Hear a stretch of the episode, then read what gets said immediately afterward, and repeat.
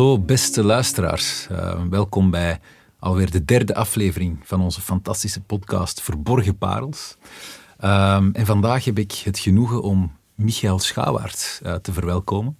En Michael is de CEO van een organisatie waarvan ik denk dat ze wel eens zeer relevant kan zijn of is in deze huidige tijden. Hè. In deze huidige tijden zijn mensen meer dan ooit met hun persoonlijke welzijn bezig, met de zoektocht naar een gezonde geest in een gezond lichaam. En daar is een organisatie als Sportoase ongetwijfeld ook heel hard mee bezig. Met het vraagstuk hoe kunnen wij de doorsnee Belg, de doorsnee landgenoot daarin helpen. Nu, de jongste jaren is um, Sportoase gegroeid naar 20 vestigingen, heb ik mij laten vertellen. Naar 750 medewerkers. En ondertussen naar meer dan 4 miljoen mensen per jaar die gebruik maken van hun faciliteiten. Dat, zijn, dat lijken mij astronomische cijfers te zijn. En dat is meteen ook de brug die ik wil maken naar jou, Michael. Welkom trouwens in onze podcast. Dank u wel, blij om hier te zijn. Leuk. Um, misschien een eerste vraag naar jou. Je hoort mij net refereren naar die groei, althans mijn impressie dat het een groei was. Hoe heb jij die groei beleefd? Goh, die is eigenlijk op een heel organische manier ontstaan. Hè. Wij zijn een, um, een relatief jong bedrijf met Sportoase. We bestaan um, iets meer dan 16 jaar. Um, en ja, eigenlijk een beetje clichématig begint dat met één locatie. En één locatie die op dat moment um, in, een, nieuwe sector, waarin dat private bedrijven maatschappelijke sportinfrastructuur gaan uitbaten. En daar bedoel ik dan mee als maatschappelijke sportinfrastructuur zaken die wij vroeger heel normaal vonden in elke gemeente, namelijk een sporthal of een zwembad en meestal een sporthal en een zwembad. Um, maar die steeds werden uitgebaat vanuit de overheid, vanuit die lokale gemeente. En die, um, die situatie die is een, een, een, jaar of twintig geleden is die wel wat veranderd. Zijn daar andere verhalen beginnen spelen. En zijn ook private spelers op die markt gekomen. Dat is niet iets dat ontstaan is in onze kontrij. Komt eerder vanuit Nederland, vanuit het Verenigd Koninkrijk. Waar, um, waar dergelijke private spelers al een lange tijd bezig waren. En waar wij in België de sport um, op verschillende manieren zagen gefaciliteerd worden. Enerzijds de meer private zaken, zoals een tennisclub of een, een, een manege of bijvoorbeeld een fitnesscentrum. Um, maar zeker en vast niet die sporthal en zeker en vast niet dat zwembad, waar, uh, waar heel veel mensen uh, actief aan sport en aan ontspanning komen doen. En dat is op dat moment wel wat veranderd. Uh, de eerste spelers kwamen op dat moment op de markt, waren bedrijven die die zich daarop op toespitsten. En um, ja, daar waren wij toch wel, denk ik, een van de pioniers met sportoasen. En um, op een organische manier met een eerste locatie in Leuven en een, een bijna tegelijkertijd een locatie um, in, in Braschaat, in een samenwerking met Braschaat en Schoten, zijn dat, uh, zijn dat zaken die eigenlijk redelijk klein beginnen. Die beginnen mm. met één locatie, met 300.000 bezoekers, met een team van 40, 50 zeer enthousiaste mensen die, uh, die eigenlijk vanaf nul die sector samen ontdekken en die daar op een bepaalde manier een, een, een, soort van professionalisme beginnen in te brengen, omdat die ontdekkingstocht natuurlijk ook vertrekt van nul, ook voor hen. Um, en ja, jaar na jaar komen daar locaties bij. Blijkt dat toch wel een voorbeeld te zijn? Blijkt dat een, uh, een meerwaarde te zijn voor heel veel lokale besturen die ontzorgd worden, die een privaat bedrijf plotseling die zaken zien overnemen en daar nog wel bij betrokken zijn. Maar aan de andere kant de uitdaging op het gebied van, uh, van organisatie en logistiek en dergelijke meer um, kunnen uitbesteden. Dat blijkt een, uh, een interessante formule voor heel veel gemeentebesturen. Uh -huh. En zo zijn er meer en meer die op die kar springen. En zo okay. zijn wij eigenlijk geëvolueerd tot wat we vandaag zijn geworden. Oké. Okay. En was jij er al van in het begin bij, 16 jaar geleden? Goh, ik heb het eerste jaar uh, heb ik, heb ik niet meegemaakt. Uh, maar na één jaar uh, heb ik de kans gekregen om één van de twee centra van Sportoazen op dat moment te gaan leiden als, uh, als verantwoordelijke voor het sportcentrum. Dus, dus um, ja, echt het verhaal gevolgd van, van, van op de werkvloer. Um, we hadden toen twee locaties en ik omschrijf het voor mezelf altijd als een soort van... Ja, van, van, van bergje, uh, waar dat je in het begin bovenop zit en, en waar dat je probeert om zo'n centrum aan te sturen. Na verloop van tijd heb je er twee die, uh, die worden aangestuurd. We hadden toen ook maar twee locaties, daar komt er een derde bij. Mm -hmm. Ja, die berg is alleen maar groter geworden. Ik ben er bovenop blijven zitten um, en dat is ondertussen een gebergte geworden met heel veel verschillende locaties, met heel veel verschillende activiteiten, met ook een verbreding van onze beleving en van onze activiteit, maar met heel veel mogelijkheden. En dat is wat het verhaal zo mooi maakt sindsdien. Mm -hmm. Ja, ik hoor jou daarnet uh, al, al het woord enthousiaste collega's in de mond nemen. Hoe, hoe heb je dat zien evolueren? Want ik kan me inbeelden, als je in het begin met een 40-50-tal bent en je bent vandaag met 750, dan moet nogal een reis geweest zijn. Ja, dat is een reis geweest. En uh, het, die 40, 50 mensen van het begin, heel veel daarvan, en dat is toch wel iets, uh, iets, iets uh, ja, bijzonder indrukwekkend, maar heel veel van die eerste pioniers zijn mensen die vandaag nog bij ons bij de organisatie betrokken zijn.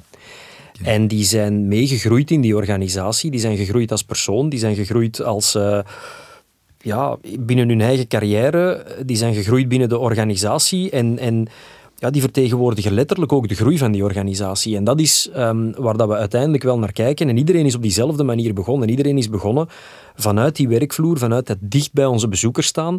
En dan is enthousiasme onontbeerlijk. Mensen komen bij ons om zich te ontspannen, komen om te sporten. Mm En um, ja, verwachten weinig meer of minder dan iemand die hen op een heel um, klantvriendelijke, spontane, maar ook enthousiaste manier verwelkomt. Mm om het leuk te houden. En dat is toch ook wel iets waar dat wij bij iedereen naar gaan zoeken en waar dat wij blij zijn dat dat onze organisatie ook wel wat, uh, wat identificeert. Mhm. En die, die pioniers van in het begin, die, het feit dat die er nog altijd bij zijn, wat zijn dan de rollen die zij vandaag vervullen?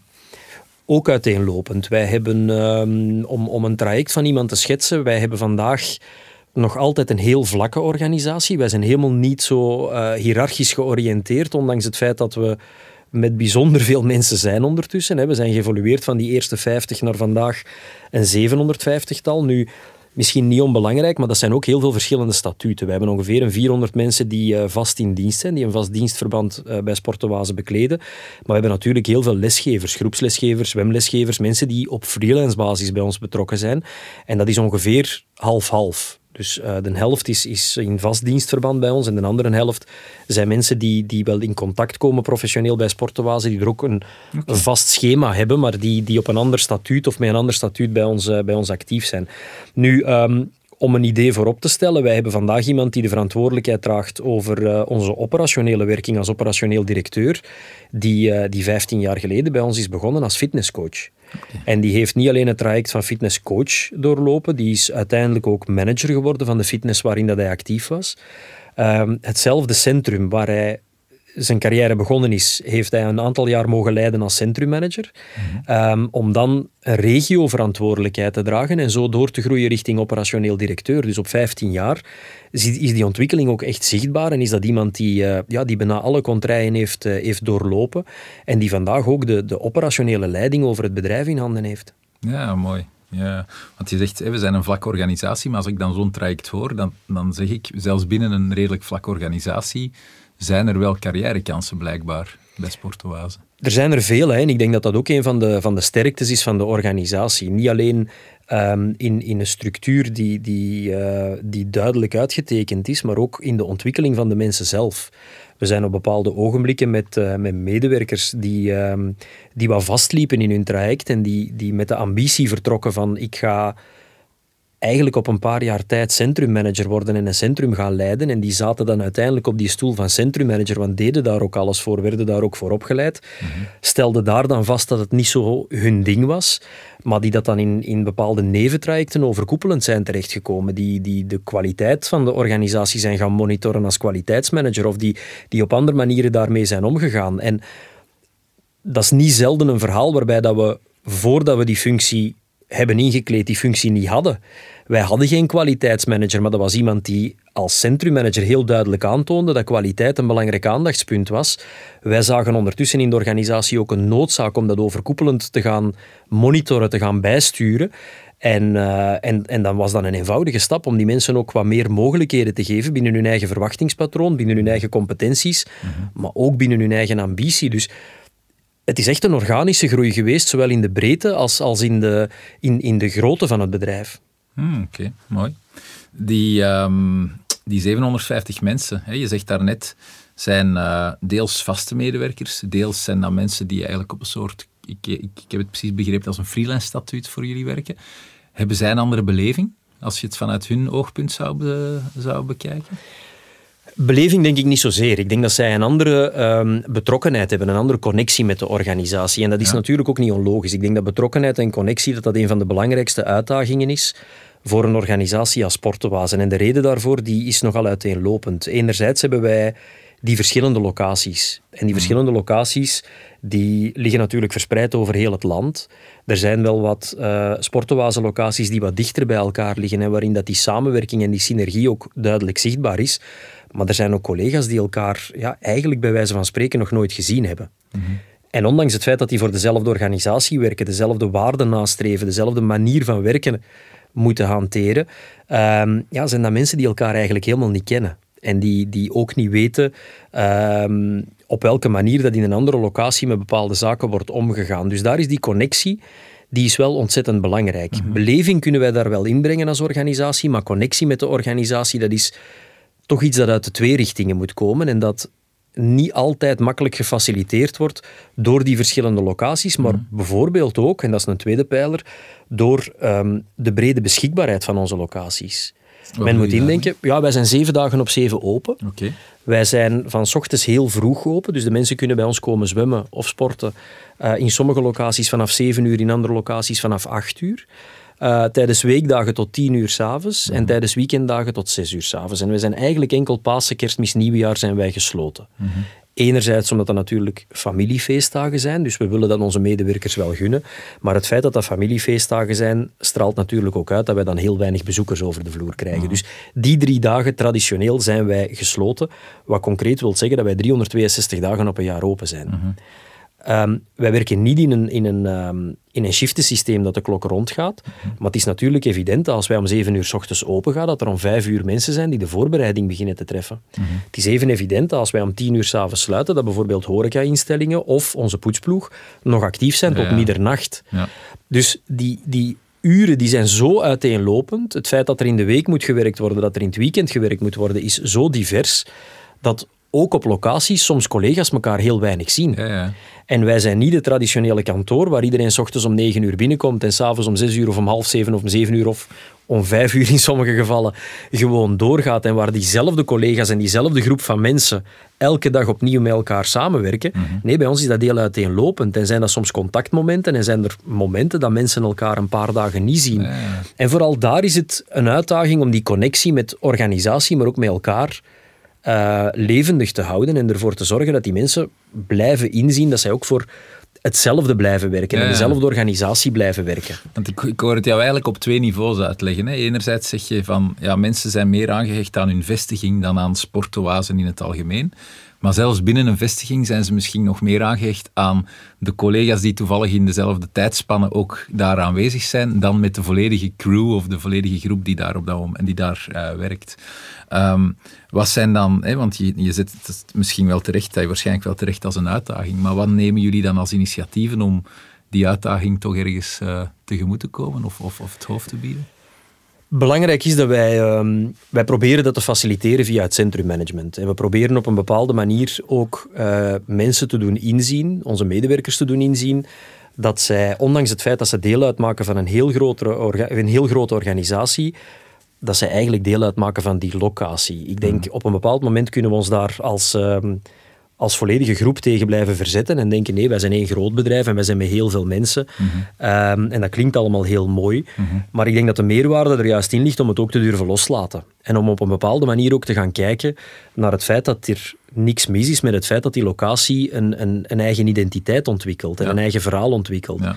En de uitdaging bestaat er dan natuurlijk in om diezelfde waarde wel naar voren te blijven brengen. En dat doen we dan door, uh, door heel duidelijke verwachtingspatronen te creëren, door op een heel duidelijke manier die mensen te ondersteunen in hun dagelijkse werking. En dat gaat dan mhm. uiteraard over het gebruik van dezelfde documenten, over procedures enzovoort enzoverder. Mm Waar dat wij wel op een overkoepelend niveau die mensen ontvangen, die mensen opleiden en die mensen ook begeleiden in hun verder traject, maar op een bepaalde manier de, de eigen identiteit van de site wel omarmen. Mhm. Dus we laten dat los, we laten de mensen op de site ook zichzelf zijn. En dan merkte ook dat er ja, bepaalde verschillen ontstaan tussen bijvoorbeeld een site in, in de ene kant van het land en een site in de andere kant van het land. En er is niks mis mee. Dat is ook oké. ja. ja, vooral ook omdat uh, wij selecteren onze mensen vanuit die, vanuit die, die, die lokaliteit. Uh, Het is altijd heel sterk wanneer dat ons team, en voor een belangrijk aandeel komt dat team ook altijd vanuit die, vanuit die lokale gemeenschap. Mm maar die vinden uiteraard op die manier ook connectie met die bezoeker.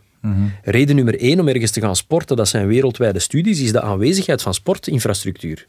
En als je dus achter je hoek een zwembad hebt, zul je makkelijker gaan zwemmen uh, dan wanneer je dat niet hebt. En wanneer je daar 20, 25 kilometer voor moet gaan rijden. Ja, absoluut. Dat klinkt eigenlijk allemaal heel logisch, maar dat is het erom niet per definitie. En ehm, het is dan eigenlijk zo dat als we in die lokale gemeenschap één, onze klanten proberen te werven, maar aan de andere kant ook onze medewerkers daaruit selecteren, mhm. ja, dan ligt dat ook wel redelijk dicht bij elkaar. En dan, dan vinden die mensen elkaar ook. En ook al wonen wij in dit land op, op iets dat een postzegel groot is, want het is niet veel groter dan dat, uh, België merkte toch ja, dat daar die, die identiteit wel wat meespeelt en dat de mensen daar ook die, die connectie moeten vinden met dat lokaal sportcentrum. Er moet begrip zijn. En ook daar een uitdaging om als organisatie dat aan de ene kant te aanvaarden, dat los te laten, maar toch te zorgen voor die cultuur als bedrijf die daar op een of andere manier in doorloopt. Ja, ja. En, en, ik kan mij inbeelden, als ik daar nu over nadenk, zeker in België, waar we toch allemaal nog een klein beetje gehecht zijn aan hè, de, het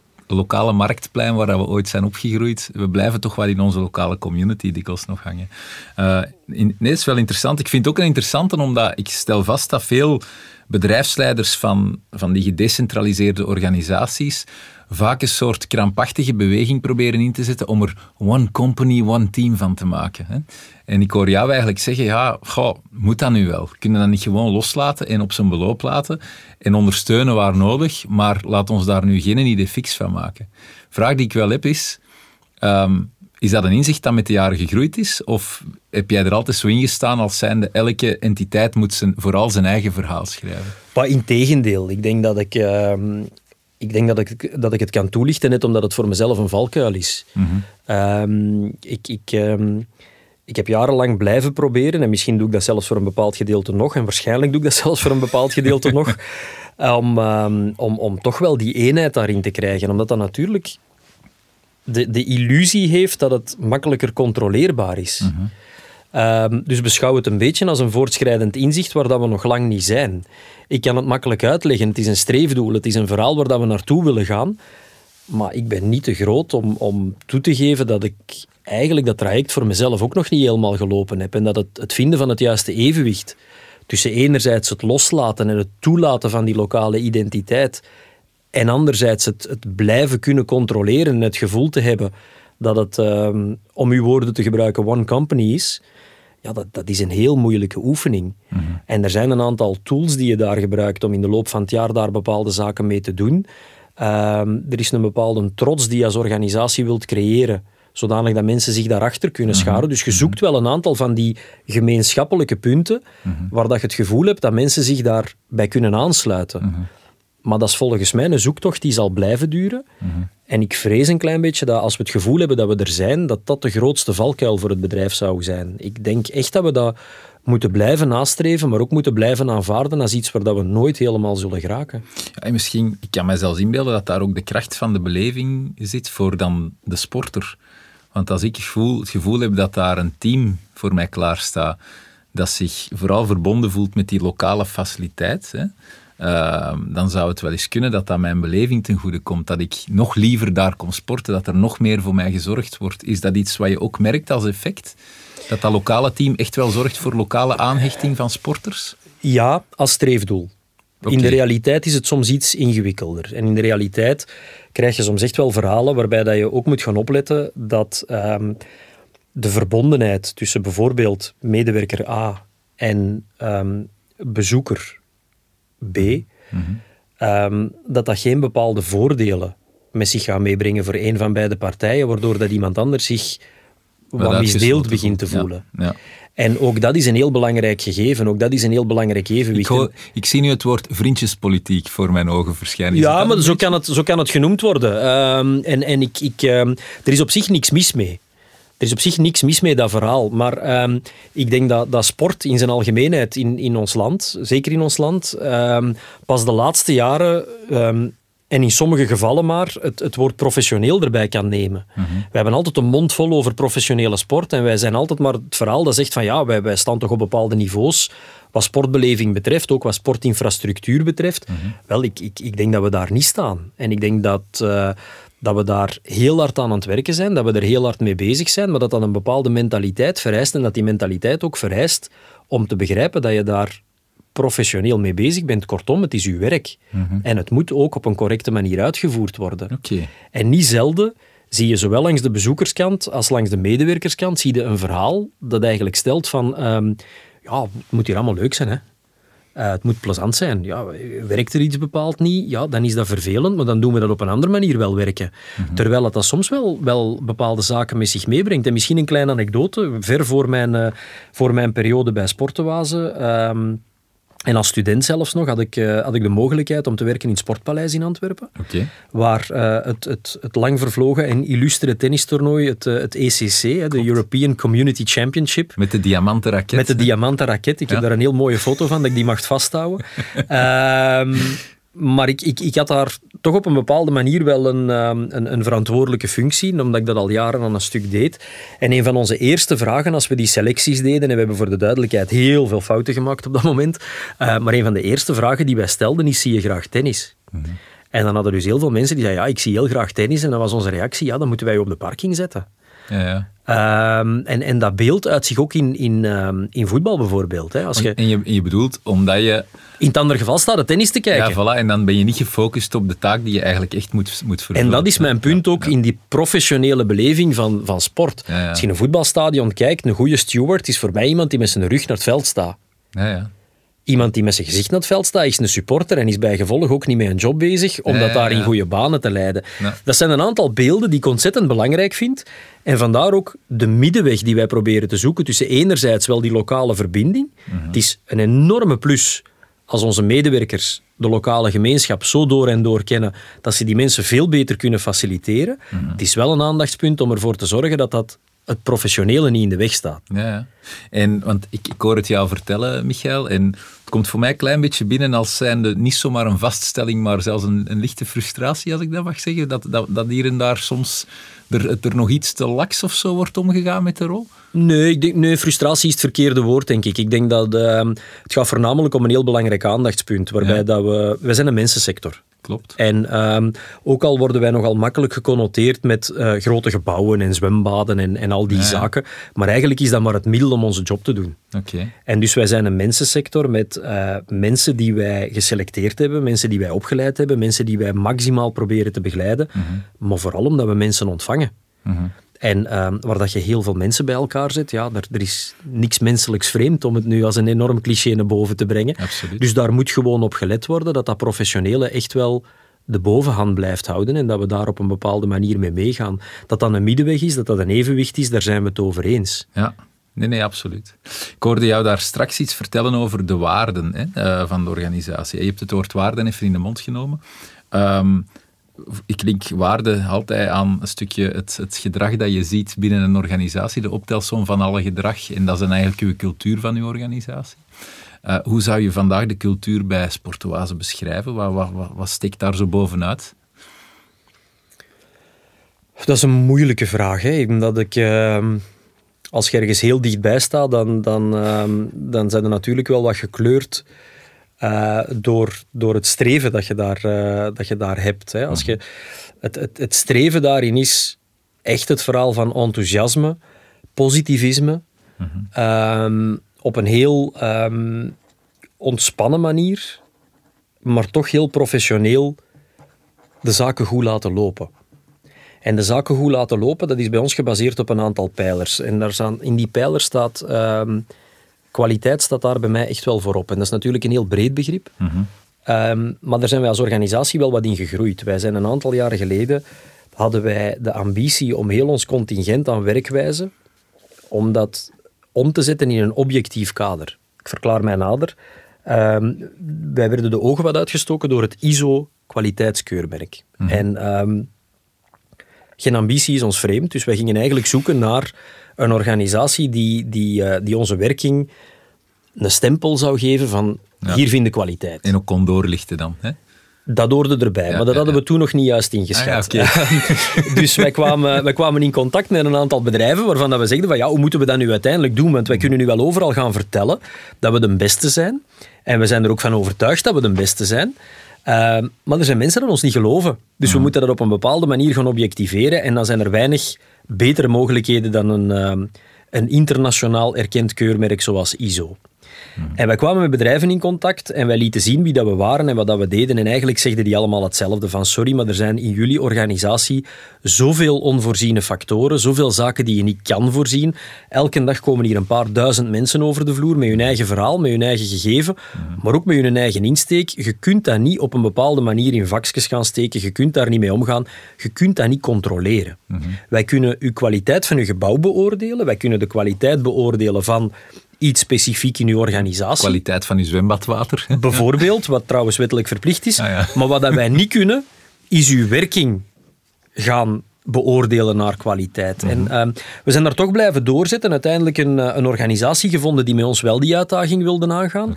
En wij zijn tot vandaag, en, en de voorbije, ik zou het moeten tellen, ik weet het niet uit mijn hoofd, maar ik denk de voorbije tien jaar, zijn wij een houder van het, het ISO 9001 kwaliteitskeurmerk. Ehm, als enige in onze sector. Dus op een bepaalde manier zijn we daar ook wel in geslaagd. Dus kwaliteit blijft bij ons een ontzettend belangrijk verhaal. Daarnaast hebben wij een aantal verplichtingen. En die verplichtingen die zijn uiteraard, en maar goed ook gebaseerd op veiligheid. Je zegt er juist zelf, eh, de kwaliteit van uw zwembadwater. Wel, ik kan, ik kan melden dat wij, in, eh, zeker in Vlaanderen, hebben wij een van de strengste zwembadwetgevingen wereldwijd. Dus onze waterkwaliteit die wordt voortdurend gemonitord. Niet alleen door onszelf, maar ook door externe labo's die, eh, die waterstalen komen nemen. En daar zijn wij voortdurend mee bezig. Dus die veiligheid die hoort daar ontzettend bij. Hygiëne spreekt voor zich. Als je al die zaken gaat bekijken, dan valt je bijna in slaap. Als je het hier begint op te noemen, dan zeg je ook, oh, wat een saaie business. Maar dat hoort er uiteraard bij als basis om ervoor te zorgen dat mensen onbezorgd gebruik kunnen maken van die faciliteiten. Dat mensen op een bepaalde manier kunnen genieten van sport, van ontspanning en weten van het is hier goed georganiseerd. En dat evenwicht is voor mij de samenstelling van die waarden. Ik kan zeggen van, ik wil dat onze medewerkers een hele dag glimlachen. Ik wil dat we op een bepaalde manier ehm, alle, en dat vind ik een fantastisch verhaal, als je naar Disney World gaat en je hebt kleine kinderen bij en er is een meisje bij, die wordt door elke medewerker van Disney wordt die prinses genoemd. Ah, Oké. Dat hoort bij hun marketing, om die prinses te noemen. En op een of andere manier, na 100 meter voelde die zich een prinses. Het nadeel is dat je dan in de eerste beste winkel moet een kleedje kopen als prinses. Maar eh, dat hoort er allemaal wel Het is wat dan bij. ook marketing. Hè? Ja. Voilà. Maar in heel die context en in heel dat verhaal zijn dat een aantal waarden die voor mij horen bij dat enthousiasme. En ik heb het nu al een paar keren gebruikt, dat onze medewerkers moeten uitstralen. En om dat uit te stralen, moeten die mensen zich goed voelen. Absoluut. Ja. En dat ligt wel een druk op een organisatie. Daar zijn wij heel bewust mee bezig.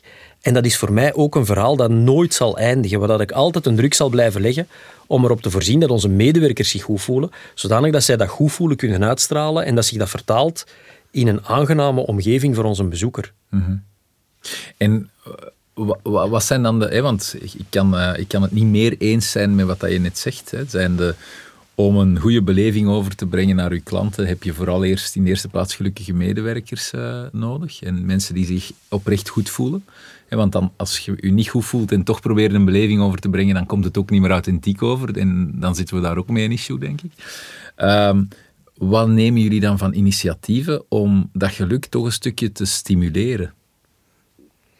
Bij die medewerker dan bedoel ik. Ja, ik begrijp het. Ehm, ja, rekening houdend met de uitdagingen van daarnet. Hè. Dus de brede openingsuren, het feit dat we gedelokaliseerd zijn. Ja. Ehm, dat zijn allemaal zaken die wel belangrijk zijn. Wij proberen vanuit de overkoepelende organisatie Groepsportenwazen, proberen wij vooral onze lokale managementteams daar de tools aan te reiken om daarmee om te kunnen gaan. Oké. Ehm, tools die wij niet allemaal zelf bedenken per definitie, maar die we ook overal gaan zoeken. Niet toevallig kan ik voorbeelden geven van, ehm, van een Disney. Kunnen we voorbeelden geven van bepaalde belevingsparken, bepaalde organisaties. Ook concurrenten waar we wel eens naar gaan kijken en zien van hoe gaan die ermee om. Ehm, En wat En zijn zo voorbeelden van tools? Wat, wat moet ik me daarbij voorstellen?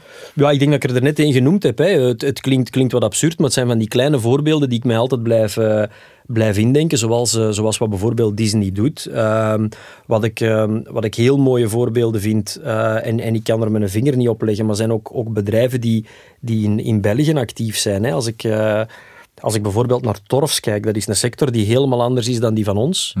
Ehm, En ik kan er mijn vinger niet op leggen, maar als je daar schoenen gaat kopen, dan voelde u op een ongelooflijke manier welkom. En dat begint bij die vriendelijke dame die van voor staat en je komt binnen en je hebt eigenlijk nog niks gekocht, maar je wordt al op een dergelijk warme manier verwelkomd, dat je het gevoel hebt dat je daar echt wel welkom zij. En, en op een of andere manier gaat het er ook niet buiten dan zonder schoenen.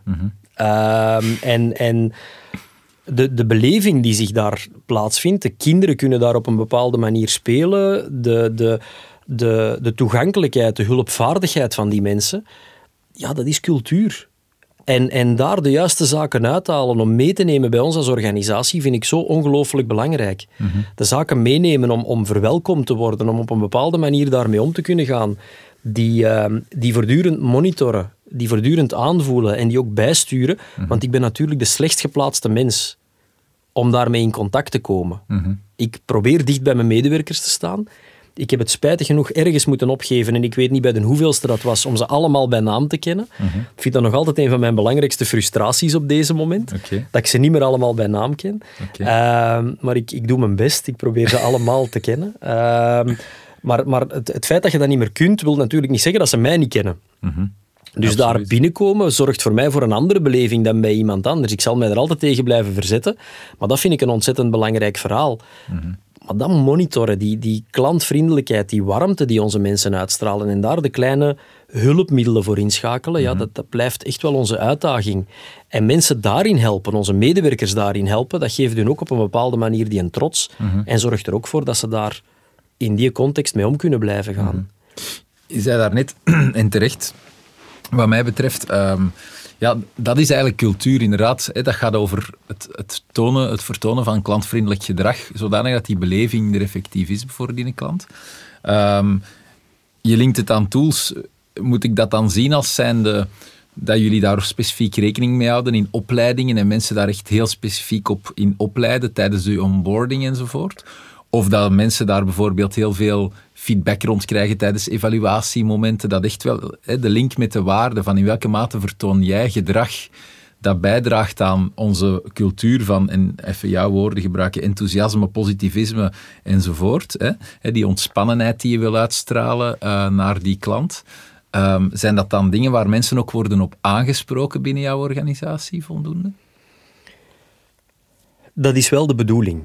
Ehm, een van de, van de allerbelangrijkste middelen die ik persoonlijk vind dat wij ter beschikking stellen, is het persoonlijk contact met de rechtstreeks leidinggevende Mhm. ehm, op wekelijkse basis. Oké. Dus ondanks het feit, en misschien zelfs dankzij het feit, dat wij die uitdaging hebben met die brede openingsuren, dat wij de uitdaging hebben met die delokalisatie, ehm, sta ik er echt op dat elke medewerker minimaal één keer per week een één-op-één moment heeft met een rechtstreeks leidinggevende. En dat gebeurt voor de duidelijkheid heel informeel. Dat gebeurt niet op basis van een vooraf afgesproken agenda. Dat gebeurt niet op basis van eh, een verslag dat daarvan wordt gemaakt. Dat gebeurt niet op basis van een verwachtingspatroon. Dat is eigenlijk een moment, en ik sta er ook op dat dat vast in de agenda staat, dat iedereen dat ook weet. Maar dat is een moment dat die medewerkers weten, nu is aan mij. Ja. Nu kan ik eventjes mijn verzuchtingen eh, uit. Ja, eh, en van mij mag dat over de laatste aflevering van weet ik veel welk tv-programma gaan, als je elkaar echt niks te vertellen hebt, maar het comfort voelen om zonder het te moeten vragen, eenmaal per week die persoonlijke aandacht te krijgen, vind ik cruciaal binnen onze organisatie. De tegenkant van de medaille is dat dat voor sommige mensen als een last wordt ervaren en niet zelden door de bewuste leidinggevende. Die eigenlijk zegt, ja, maar ik heb vandaag zoveel te doen. Er, staat hier, er staan hier een aantal gesprekken op mijn Ja. agenda. Ik moet drie medewerkers zien. Dat is drie keer een paar, ja, tiental minuten. Dat is toch al makkelijk een half uur. Ik kan dat anders besteden. Heb jij iets te zeggen vandaag? Ja. En dan komt er al heel snel door de medewerker zelf, oei, eh, eh, nee, niet echt. eh. Dat haalt de waarde uit dat moment volledig weg. En dat vind ik een ongelooflijk belangrijk aandachtspunt. Dat vind ik echt iets waar ik op blijf hameren met onze medewerkers, omdat dat een enorme kracht uitstraalt voor de medewerker in kwestie. Absoluut. Ik moet het niet vragen als er mij iets stoort, of er is iets dat ik wil bespreken, of ik heb een goed idee, of ik wil gewoon eens die één op één moment, ik wil de mens achter mijn leidinggevende wel eens zien, dan niet moeten vragen, En dat gewoon als een vaststaand gegeven hebben staan, dat geeft zo'n enorm comfort.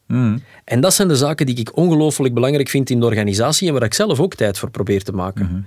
Het team dat rechtstreeks richting mezelf rapporteert of waar ik zelf het meeste mee in contact kom, vind ik ontzettend belangrijk dat ik met die mensen dat moment ook echt wel blijf vasthouden. Ja, ja. Los van het feit natuurlijk dat dat mensen zijn die dat je veel meer tegenkomt in de loop van, Mhm. waar je veel meer contact mee hebt, telefonisch, per mail of persoonlijk. Mhm.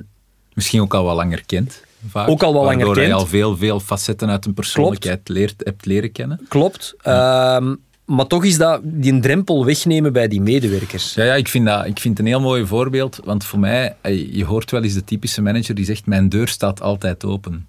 Maar ook in een deur die open staat, kunnen er nog drempels zitten. Hè? Terwijl wat dat je nu doet, je komt naar buiten als leidinggevende en je je faciliteert eigenlijk het proces waarin dat je zegt: Oké, we hebben een vast moment dat wij samen een babbeltje gaan doen. Natuurlijk kun je ook meteen ook weer de vraag stellen. Wat is het meest nefast voor de ervaring van de medewerker? Een leidinggevende die dat moment niet inplant en met andere woorden, die facilitatie gebeurt niet. Of het wordt wel ingepland, maar op het moment dat het dan plaatsvindt, wordt het eigenlijk al een stukje met de voeten getreden van ja, maar moet het wel doorgaan? Moet het wel zo lang duren? Want ik heb eigenlijk veel andere dingen te doen. Ik kan mij wel inbeelden dat het risico daar is dat de ervaring van de medewerker nog negatiever is in het tweede geval. Heel correct. Dus dan is mijn vraag een beetje, als ik een, hè, want nu heb je het vermoed ik over de centrummanagers voor, voornamelijk, hoe zorg je ervoor dat die centrummanagers zich ook bewust zijn van die rol die ze daar te spelen hebben en van het feit dat niet meegaan in dat idee van die wekelijkse één-op-één gesprekken of daar wat tegenkanting tegen vertonen, al dan niet onbedoeld, hè, ehm, ehm, dat dat wel een, een, negatief gevolg kan hebben voor de ervaring van hun teamlid. Zijn zij zich daar voldoende van bewust? Eh, ja zeggen zou hypocriet zijn. Eh, ja, ik, ik, de, de, vraag, de vraag stellen is ze eigenlijk beantwoorden. Hè? Zijn ze zich ervan bewust? Nee, niet allemaal. Net daar wil ik zeggen dat dat als organisatie voor ons belangrijk is om ze daar bewust van te blijven maken. En dat doe je dan door te blijven herhalen welk belang dat dat heeft. Dat doe je door te blijven spiegelen van kijk hoe belangrijk dat dat voor u is. Wij zitten nu ook samen. En dat is een belangrijk moment voor u. Je kunt uw ding kwijt. En eigenlijk ook door een tegenkanting van het verhaal te geven en eigenlijk te zeggen van wat heb je nu als manager het liefste? Je hebt een aantal zeer assertieve, in de positieve zin van het woord, ehm, actieve medewerkers die bij elk idee die een drempel van uw deur niet zien. Die wandelt binnen en die moet dat komen vertellen. Ga je dat ook niet op een bepaalde manier kanaliseren als jezelfde medewerker weet, vast weet, dat hem die in ene moment in de week één op één met u samen zit en zijn ding kwijt kan. Of gaat hier op een verhaal komen waarbij dat je zegt, ja, mijn deur staat open en ja, die wandelt echt elk uur binnen. Hè? Ja, ja, ja. ja, ja, dat, ja en ook daar maak ik dan weer extreme van. Maar om ook onze managers daarin te, bege- te, te begeleiden, proberen we dat op die manier ook wel naar voren te brengen. Mogen niet vergeten, en daar hebben we het ook nog niet over gehad, maar ook dat is een heel belangrijk aandachtspunt. We hebben heel jonge medewerkers. Oké. Ik denk, en ik heb Wat nooit... is jong? Wat, wat moet ik mij daarbij voorstellen? Goh, niet zelden zijn dat schoolverlaters. Niet zelden zijn dat mensen die, die net afgestudeerd zijn. Die hun eerste werkervaring bij ons meemaken. En dat heeft een aantal uitdagingen. Ehm, op het moment dat die bij ons komen, en dat is ook niet onlogisch, ook weer door die brede openingsuren, spreekt er niet zelden een doelgroep aan van mensen die thuis nog niet echt heel veel verantwoordelijkheden hebben. Of heel veel mensen om mee rekening te gaan houden. Dus wonen in sommige gevallen nog thuis, zijn net afgestudeerd. Ehm, Hebben nog geen kinderen vaak. Hè? hebben nog geen kinderen, hebben nog geen partner, of hebben een partner die dat eigenlijk niet zo heel erg vindt, want het straalt wel mooi uit van wij werken in een sportieve omgeving, wij zijn met sport bezig. Ehm, maar die maken wel die eerste evoluties in hun persoonlijk leven mee. En die leren een partner kennen en die vindt dat toch niet zo leuk dat je op een zaterdag moet werken en dat je s'avonds moet werken. En die, eh, ja, die gaan werken voor hun eerste huisje. En die moeten daar dan ook wel wat werk in doen in dat eerste huisje. En die krijgen kinderen. En die kinderen die nemen een bepaalde verantwoordelijkheid met zich mee. Dus niet zelden zitten wij helemaal vooraan in mensen hun loopbaan. En wij leiden die op. En wij proberen daar ook wel een beeld te schetsen dat er mogelijkheden zijn binnen Sportoase. En onze groei van één locatie naar twintig locaties op 15 jaar tijd is dat natuurlijk niet... eh, is geen handicap, integendeel, dat straalt het ook heel mooi uit, want wij hebben veel nieuwe mensen nodig, of mensen die doorgroeien nodig. Ehm, maar het moet allemaal wel combineerbaar blijven. En het feit dat dat heel jonge mensen zijn, houdt natuurlijk ook in dat ze in heel veel gevallen niet echt een referentiekader hebben. En op een bepaalde manier is dat wel belangrijk om te weten, ik zit hier goed, of ik wil toch nog wel eens ontdekken wat er nog allemaal te vinden is, want ik ken dat niet. Of ik hoor vrienden en kennissen en mensen in mijn omgeving die op een andere manier in hun werk staan en die zijn elke avond thuis. En die moeten in het weekend niet werken en die verdienen eigenlijk hetzelfde als ik. En al die referentiepunten die zijn wel belangrijk om te kanaliseren, om duidelijk te maken, maar ook weer aan ons management om aan te voelen van dat zijn mensen met die vragen. Hoe moeten we daarmee omgaan? Ook daar ligt weer dat belang van dat wekelijks contactmoment. Ja, ja. Hebben jullie in, in dat kader ehm, ook een bepaalde visie over hoe je mensen die in andere levensfases komen, hè, want dat is hetgeen dat je eigenlijk een beetje aan het vertellen bent, hoe je die ook andere dingen wil kunnen aanbieden als werkgever. Als, het, kan, kan dan gaan over flexibiliteit van uren, uh, en niet alleen qua, het gaat dan niet alleen over verloning, maar ook bijvoorbeeld, ja, hoe kan ik mijn balans vinden tussen mijn werkcontext en mijn privécontext. Want dat is voor iedereen anders en dat is vaak heel levensfase gerelateerd natuurlijk. Hebben jullie daar ook een visie of een beleid rond? het beleid is voornamelijk dat er kansen zijn om door te groeien. Oké. En um, een van de principes is natuurlijk dat iemand die, die onze organisatie managt, um, dat die ook een bepaalde impact moet hebben als die niet aanwezig zijn. Mhm. Toen ik zelf bij Sportoase begon, 15 jaar geleden, um, ook wel grappig, was dat een van de vragen die zowel de fitnessverantwoordelijke als de zwembadverantwoordelijke stelde. Die zei, ja, we hebben hier een uurrooster, wanneer ga jij s'avonds komen werken? En eigenlijk was mijn antwoord, uh, op uw uurrooster niet. Mm ik ga wel s'avonds komen werken en ik zal hier wel op avonden zijn, want dat is wel belangrijk om die voeling te behouden. Maar ik ga niet op de uurrooster staan van ik werk elke dinsdag en elke donderdagavond. Dat is echt niet mijn bedoeling. En waarschijnlijk ga ik hier elke dinsdag, elke woensdag en elke donderdagavond komen werken.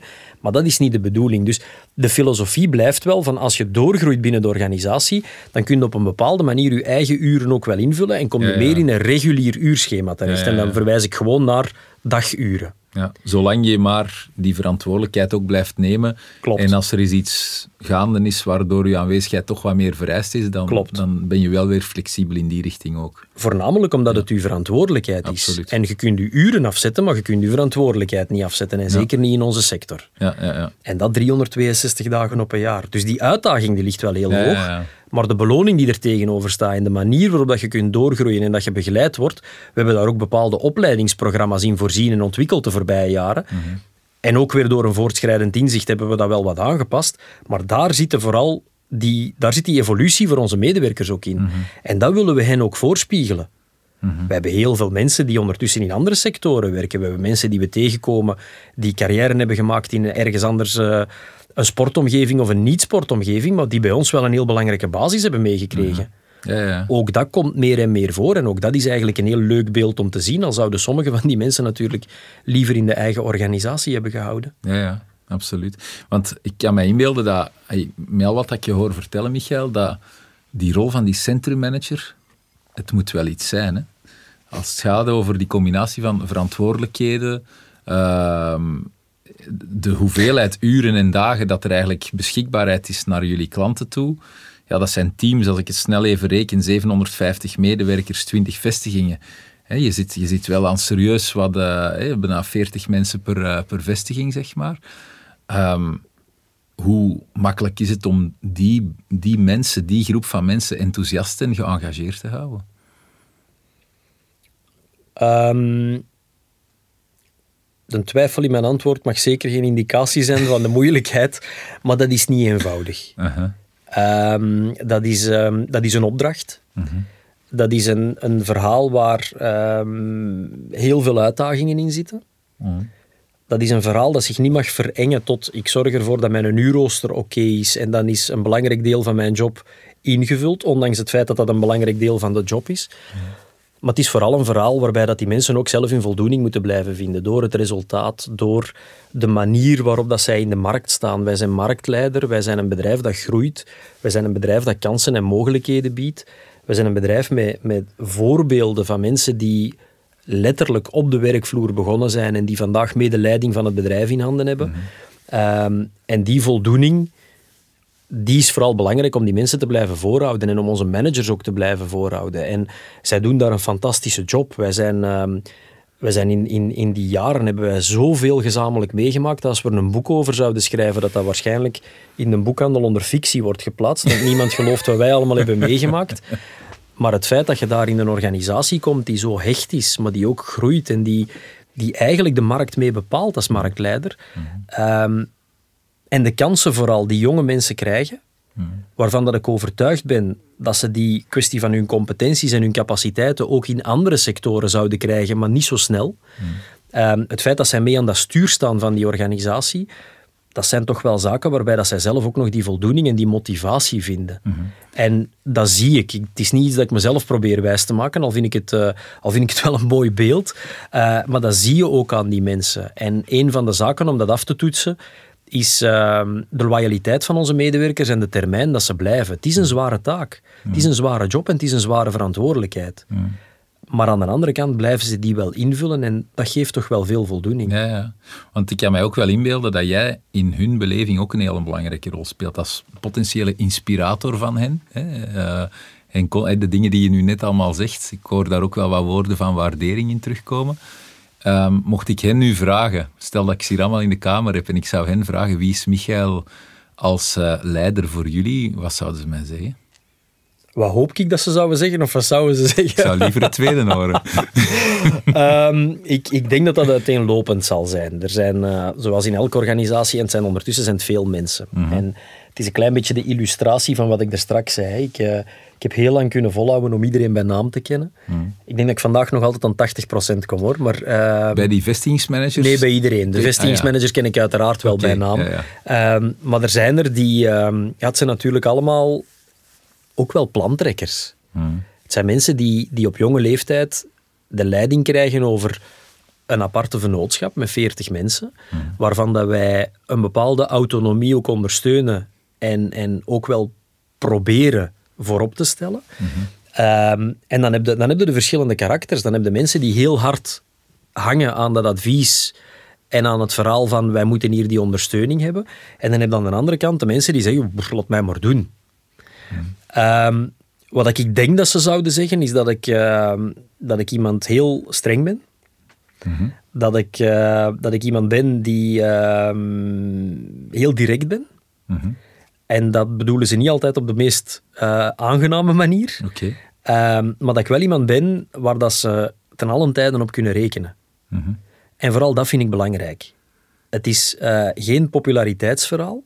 Het is niet altijd makkelijk, ook niet in mijn positie, om moeilijke beslissingen te moeten nemen. Het is ook niet altijd makkelijk om uh, een, een, harde boodschap te moeten brengen of een directe boodschap te moeten brengen. Um, maar ik, ik ben zelf er wel van overtuigd en ik denk dat ze dat ook op die manier zouden zeggen. Dat, uh, dat directheid en rechtuit zijn, dat dat een, een van, de, van de, de grootste illustraties van respect is. Mm. Um, en ook al is dat een harde boodschap, mm-hmm. uh, in, in discussies of in een ontevredenheid over, over een activiteit van iemand of over de werking van iemand, komt niet zelden het beeld op tafel om te zeggen van kijk, wat heb je nu het liefste? Dat, ik, dat we hier eigenlijk over zwijgen en ondertussen denken dit komt niet goed en mm. oplossingen beginnen zoeken om eventueel uzelf te vervangen.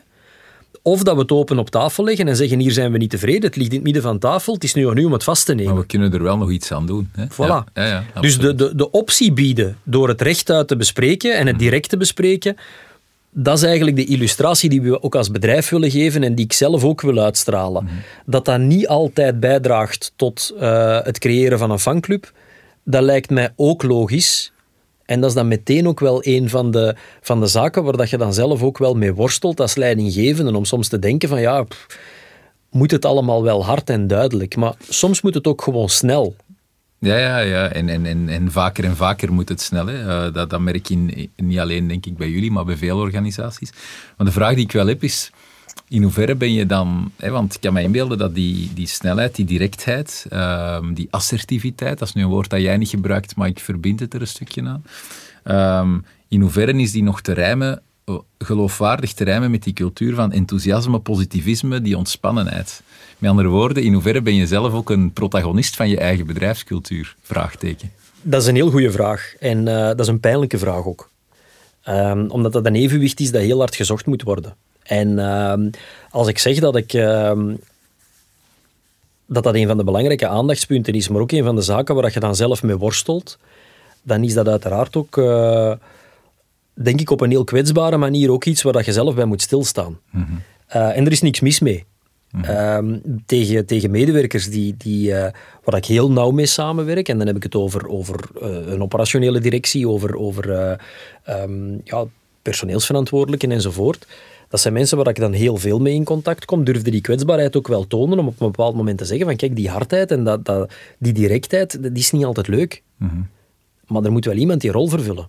Mhm. En, wat een, uh, en, en hoe, hoe, hoe dieper dat je in de organisatie graaft, uh, hoe groter dat die uitdaging wordt. Omdat die mensen niet zelden dat beeld van die steun niet kennen. En dat mhm. beeld niet kennen van, goh, het is wel iemand waar we op kunnen rekenen. Ja, ja. En dan nogal eens in een situatie terechtkomen dat het schrikbeeld de overhand krijgt. Ja, en dat is een hele moeilijke. Mhm. En dat is ook een hele moeilijke in een heel grote, brede organisatie. En niet zelden, en dat is altijd een grappig moment, maar aan de andere kant is dat ook een pijnlijk moment. Mhm. Ik ben zelf nogal iemand sportief. Dus ik ga uh, heel veel sporten. In je eigen faciliteiten? In de eigen faciliteiten. Ik, ga, uh, ik, ik denk, als je ons volledig management gaat bekijken, dat er niemand is dat meer gaat sporten als ik. Mhm. Ehm, en dan kom je in contact met je medewerkers. Tuurlijk. En ehm, dat is heel grappig, want bij ons is dat letterlijk op een heel kwetsbare manier. Ik denk dat er weinig mensen zijn die een bedrijf leiden die um, 20 minuten met een medewerker staan praten in hun zwembroek. Terwijl het een medewerker aangekleed is. Maar dat is letterlijk het beeld dat zich voordoet. En dus na de werkdag trek ik de zwembroek aan, ga ik in dat zwembad staan en sta ik daar twintig minuten bijna letterlijk naakt. Ja, ja. En dat beeld is wel belangrijk, niet het naakten op zich, dat wil ik iedereen besparen. um, maar, maar je staat daar eigenlijk letterlijk naakt voor je medewerker en je staat daar met te praten. En niet zelden komt, en eigenlijk meestal trouwens, komt daar dan zowel de reactie uit van, zeg maar, eigenlijk valde jij wel goed mee. Zo in uw zwembroek. En dat is dan een totaal... Ja, dat hebben ze er niet bij gezegd, maar dat zou ik ook zelf niet willen, willen, willen propageren. Um, maar dat is dan veelzeggend. En, en dat vind ik vooral een belangrijk aandachtspunt, omdat dat voor een deel illustratie is van een afstand die ehm, gegroeid is, die niet per definitie moet, mhm.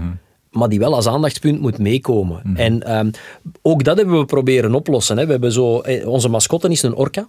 Uh, Heeft te maken met onze zwemschool.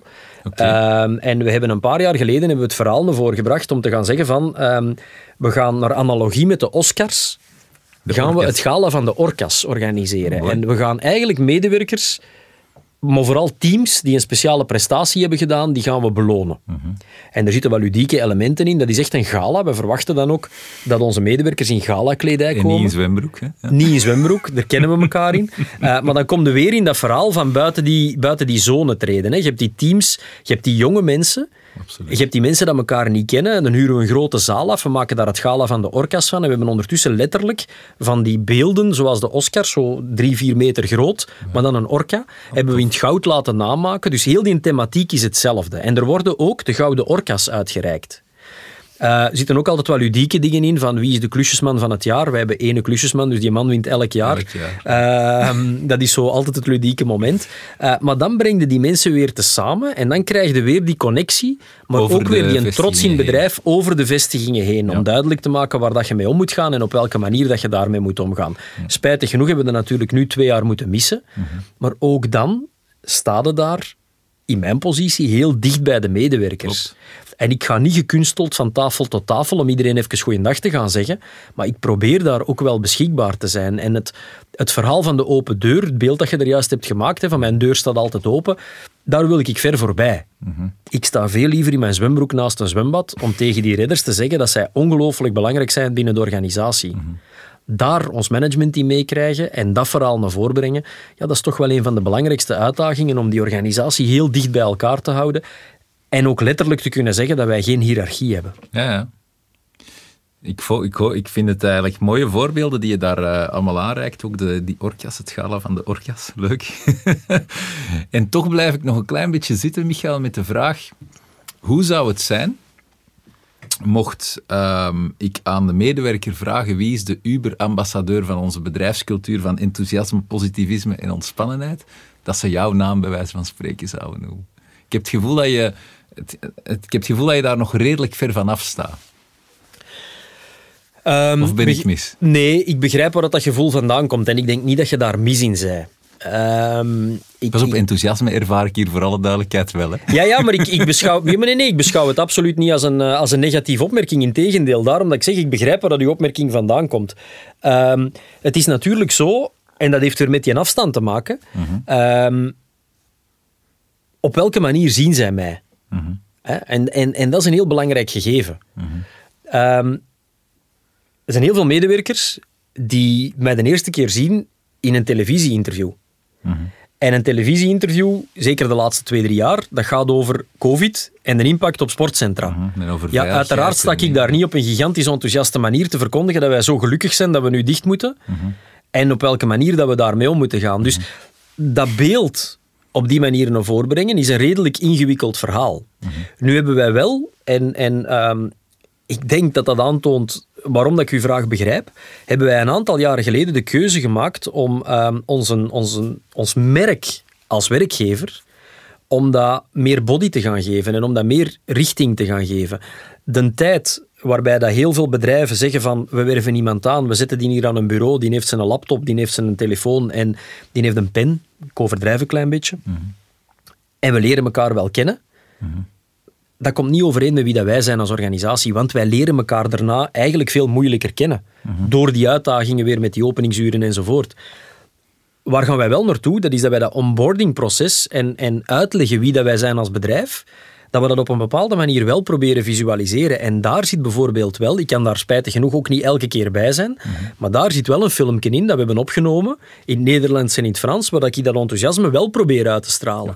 En waarbij ik wel probeer uit te leggen van kijk, dat is wie dat wij zijn als organisatie. En dat is hoe belangrijk dat jullie zijn. En ik ben beschikbaar als je mij nodig hebt. Ik kom zelfs in, uw, in mijn zwembroek naar uw vestiging. Om Ja, dat zien nu niet iedereen, want ik ga, eh, ik ga uiteraard niet, niet plotseling zwemmen in eh, weet ik veel waar. Ehm, maar, maar dat is inderdaad, dat hoort wel allemaal bij elkaar. Maar ik volg uw opmerking wel. Maar dat heeft natuurlijk ook wel wat te maken met ehm, het, het, het keurslijf van serieus waar dat je ook voor een deel Ja, mee moet maken. En als die mij alleen maar zouden zien als de spring in het veld, die dat daar rondloopt en enthousiasme propageert, ja, dan denk ik niet dat ik de moeilijke boodschap die soms nodig is, op een ander moment ook zou kunnen overbrengen. Of dat ze zo op dezelfde manier aanvaard zou worden. Ik weet het niet, ik durf dat te betwijfelen, maar ik, ik, ik, ik volg voor alle duidelijkheid... eh, Het is misschien een schrik, hè, dat kan, hè. Het punt dat je wil maken. Ehm, nu, je zegt daarnet, niet in alle vestigingen. In- zien ze jou effectief in alle vestigingen voldoende, naar jouw gevoel? Want Eh, jullie hebben ja, nee, 20. nooit voldoende naar mijn gevoel. Ja. Eh, maar ook dat is een organisch verhaal. Hè. Op een Mhm. bepaald moment, eh, ik was verantwoordelijk voor één locatie, we hadden er ook maar één. Ehm, en, en dan probeerde te gaan verdelen als je die tweede locatie hebt. Mhm. En eigenlijk is het mooiste voorbeeld op het moment dat we vijf locaties hadden, want dan kwam ik altijd op dezelfde dag op die site. Ah ja. En ehm, het leuke eraan was om dat de week daarna anders te doen. Mhm. Dus de collega's verwachten nu op een dinsdag en je stond daar ineens op een maandag al. En, Ja. en dat, dat gaf een helemaal ander beeld. Ja. Ehm, dus daar gingen we dan op een bepaalde manier mee om. We hebben dat heel lang kunnen volhouden tot het moment dat we tien sites hadden. Want dan deed ik de voormiddag ging ik naar daar, de namiddag naar daar. En dat zat eigenlijk ook wel in een vast schema. Mhm. Omdat dan ook weer dat centrummanagement wist op welke manier dat ze erop konden rekenen. Mhm. Ehm, op deze moment is dat wat moeilijker qua uitdaging, maar ik probeer echt nog altijd wel om minstens één keer per maand op elke locatie te zijn geweest. En daar ook voldoende tijd aan te besteden. Want het heeft natuurlijk geen zin om naar een locatie te rijden, daar mijn laptop open te doen, daar twee uur mijn mails te doen en dan terug door te gaan nadat ik vijf minuten niemand heb gesproken. Dat heeft geen enkele Nee, nee, zin. nee. Dus in die context probeer ik ook wel echt die connectie te maken. Ja. En daar ligt de uitdaging. Ik denk persoonlijk dat wij als organisatie op een dergelijke manier gegroeid zijn dat we een heel mooi verhaal kunnen brengen. Dat we ook de ambitie hebben om dat heel mooi verhaal, los van het feit dat we nog hoofdstukken moeten schrijven, daar zijn we ons heel hard van bewust, dat we dat ook wel willen overbrengen. Maar de connectie en het begrip van onze medewerkers op een bepaalde manier toepassen, dat blijft echt een uitdaging. Ja. En dat wil ik ook wel als een uitdaging blijven beschouwen. Ja. Een van de belangrijkste slagzinnen die ik er altijd in gebruik is, ik heb ehm, vanuit, vanuit opleiding in communicatie, ik denk dat ik maar één ding onthouden heb, dat is dat communicatie niet gaat over wat je zegt, maar op de manier dat het ontvangen wordt. Dat is waar het over Absoluut. gaat. En dat probeer ik echt in onze organisatie te blijven volhouden. En vandaar dat ik vandaag, mocht de vraag komen, en ze is niet gekomen, of nog niet gekomen, van ben je nu tevreden over de manier dat je met je medewerkers kunt werken? Dan antwoord ik nee. Maar ik vind dat geen negatief antwoord. Mhm. Ik vind dat wij heel mooi hebben geschreven aan een verhaal. Ik vind dat er vandaag voor een belangrijk deel staat, dat dat ook op een bepaalde manier onze waarden en onze, onze ambitie vertegenwoordigt. Maar ik vind dat we nog een enorme weg te gaan hebben om heel ons potentieel aan, aan menselijk kapitaal daarin mee te nemen. Ja, ja. En wat zijn dan, hè, want om de metafoor van het boek te gebruiken, die hoofdstukken die je nu gaat beginnen schrijven, wat zullen daar de hoofdkenmerken in zijn? Nog altijd connectie. Het begrijpen door. Het, het verstaanbaar zijn voor. Als we over die momenten spreken, die één op één momenten tussen een manager en, en een medewerker, dan is uw vraagstelling heel de tijd gegaan over het feit van, ja maar, uw manager, wat als die dat niet doet? Wat als die dat niet begrijpt? Hoe, hoe gaat het daar dan mee om? Dat is die connectie. Dat is het begrijpelijk maken voor de mensen. Dat is op een bepaalde manier voor uw eigen medewerkers kunnen duidelijk maken van, dat is het belang daarvan. Je moet dat niet doen voor mij. Je moet dat zeker niet doen, omdat als ik op het einde van de week vraag, heb jij iedereen gezi- gezien?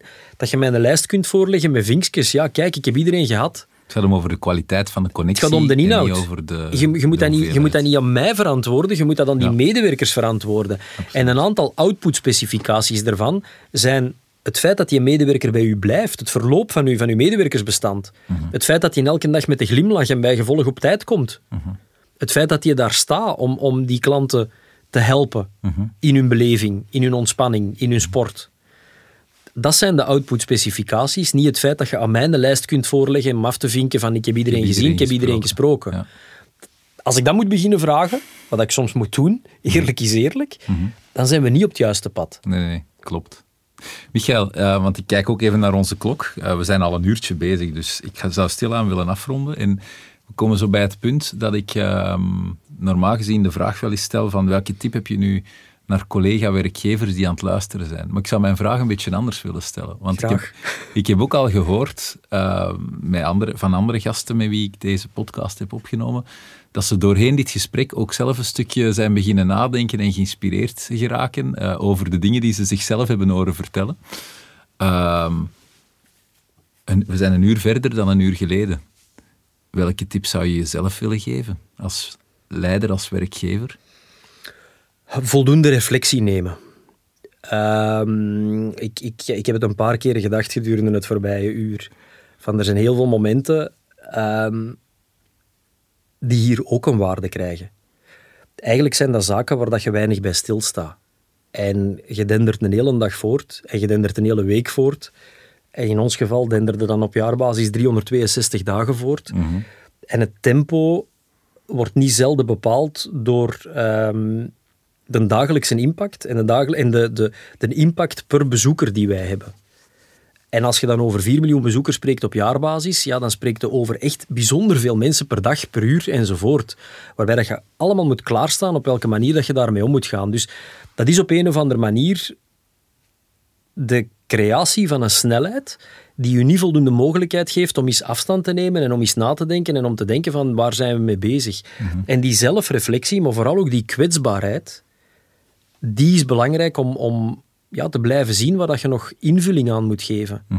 En invulling met de juiste doelstelling. En die juiste doelstelling blijven bij mij mensen.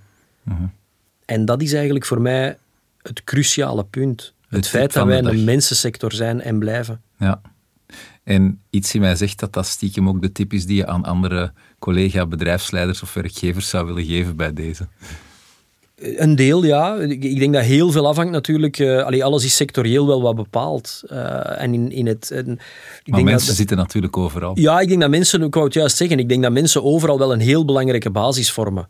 En ehm, het feit dat dat zo'n aandachtspunt moet zijn, is natuurlijk in het ene bedrijf iets meer aanwezig dan in het andere bedrijf. Dat is ook logisch. Maar ik denk dat vooral iedereen voor zichzelf daar de nadruk op moet leggen. Maar die zelfreflectie over de kern van uw activiteit, dat lijkt mij echt de essentie. Ja, je hebt mij alleszins ook al weten, ook weten te inspireren, vooral ook met uw uitspraak van het is niet de hoeveelheid connecties die je bouwt, maar de, de, de kwaliteit van de connectie die je hebt hè, met mensen. Ehm, ik denk dat dat, een, dat dat een valkuil is van heel veel werkgevers. En of uw team dan 25 mensen telt, zoals in ons geval, of 750 mensen telt, zoals in jouw geval, ja, die verantwoordelijkheid die verandert niet. Hè? En, uh, en, en hetgeen dat je kunt teweegbrengen ten aanzien van een medewerker, dat verandert eigenlijk ook niet. Dus bedankt om mij daar ook in te inspireren. Bij deze zou ik willen afronden, Michel. Ik wil jou enorm bedanken om uh, de verborgen parel die Sportoazen is, daarom niet als dienstverlener naar de maatschappij, want die 4 miljoen uh, landgenoten wisten jullie al te vinden, maar misschien wel als werkgever. Hè. Die is waarschijnlijk iets minder verborgen vandaag. Hopelijk heeft het de luisteraar kunnen inspireren. Um, en uh, ik zou je heel veel succes willen wensen met uh, je verdere groei als leider, maar ook als sportoase. Succes. Dank u wel.